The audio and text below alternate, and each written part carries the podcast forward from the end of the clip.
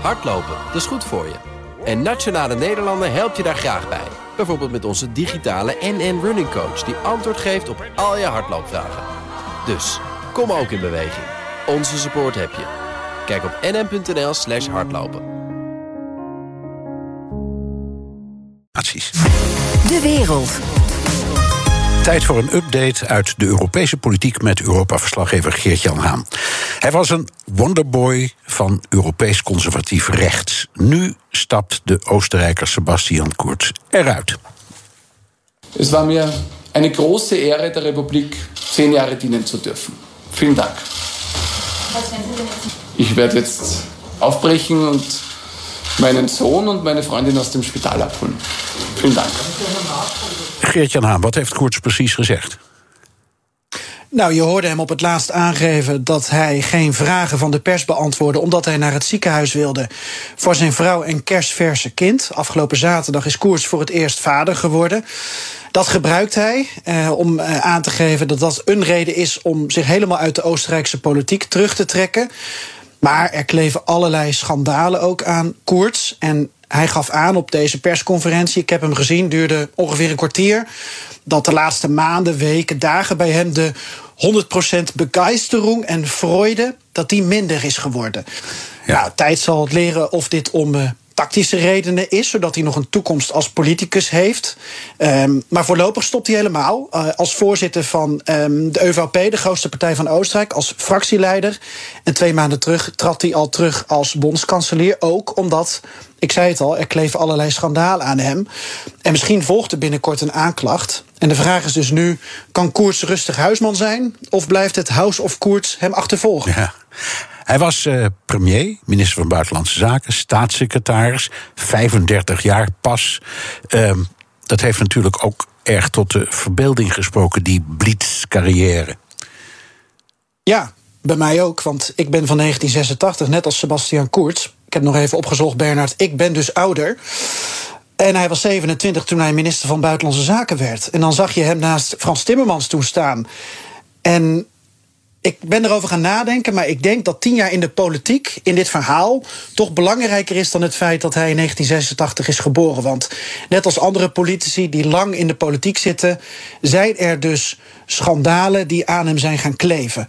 Uh, ik gaf het al aan, een corruptieschandaal begin oktober. Daardoor moest hij zich uh, terugtrekken als kanselier. Um, we hebben een Ibiza-schandaal gehad. We hebben een, een, een, een versnipperaar-schandaal gehad... waarbij hij een medewerker harde schijven heeft laten uh, vernietigen. Um, en overal kwam hij een soort van mee weg. Het was een soort Teflon Koerts. Maar met dat laatste schandaal dus niet, onder druk van coalitiepartij De Groenen. Nou, en nu, na twee maanden vol van geruchten, heeft hij gezegd: ik stap er voorlopig uit. Ja. Welke koers gaat Oostenrijk varen? Nou, die EVP is wel de grootste partij. Uh, dat zijn uh, christendemocraten. Uh, maar misschien ook wel een beetje tegen de VVD aanschurkend in Nederland, als je het zou vergelijken. En de EVP heeft met de FPE, de rechtsradicalen, en met de Groenen samengewerkt. Um, de kans is groot dat het uh, misschien wel de SPE wordt. Dus de Sociaaldemocraten. Nou ja, dan krijg je weer meer een soort middenkoers. Maar het hangt ook af van de opvolger van Koerts.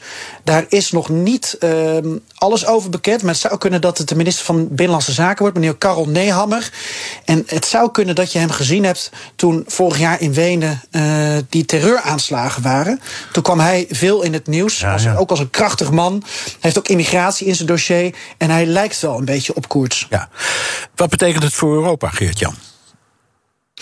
Nou, belangrijke dossiers als uh, migratie en uh, de transferunie... daar heeft Oostenrijk onder Koerts wel echt een stempel op gedrukt. Koerts bedankte ook nog in zijn praatje de Balkanlanden... Uh, met wie hij in 2015 toch het op een akkoordje had gegooid... om die grenzen toen dicht te gooien in de tijd van Weer Schaffendas van Merkel.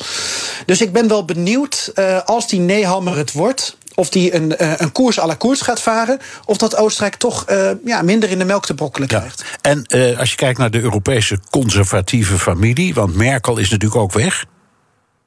Ja, als je erover nadenkt, dan is dit echt wel een roerig jaar voor die Europese Volkspartij, de grootste fractie van het Europees Parlement. Want hun uithangborden waren Orbán, Merkel, Koerts, alle drie dit jaar weg. Orbán zelfs uit de partij. Merkel niet meer aan de knoppen in Duitsland. Uh, de Bulgaar Borisov heeft trouwens de verkiezingen verloren. Ook een veteraan. Ja, en Koers had dus best een belangrijke rol. Kijk, je hebt nog Ursula von der Leyen, voorzitter van de commissie, ook een christendemocraat. Maar ik denk dat dit wel even een tik is. En ik ben ook wel benieuwd met wie Rutte nu bepaalde allianties gaat sluiten.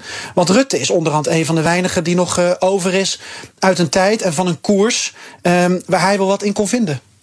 Dankjewel, Europa-verslaggever Geert-Jan Haan. Wilt u meer horen over de Europese politiek? Luister dan naar BNR's Europa-podcast die Geert-Jan maakt... samen met Europa-correspondent Stefan de Vries. Business Booster. Hey ondernemer, KPN heeft nu Business Boosters. Deals die jouw bedrijf echt vooruit helpen. Zoals nu, zakelijk tv en internet, inclusief narrowcasting... de eerste 9 maanden voor maar 30 euro per maand. Beleef het EK samen met je klanten in de hoogste kwaliteit. Kijk op kpn.com businessbooster. Business Booster.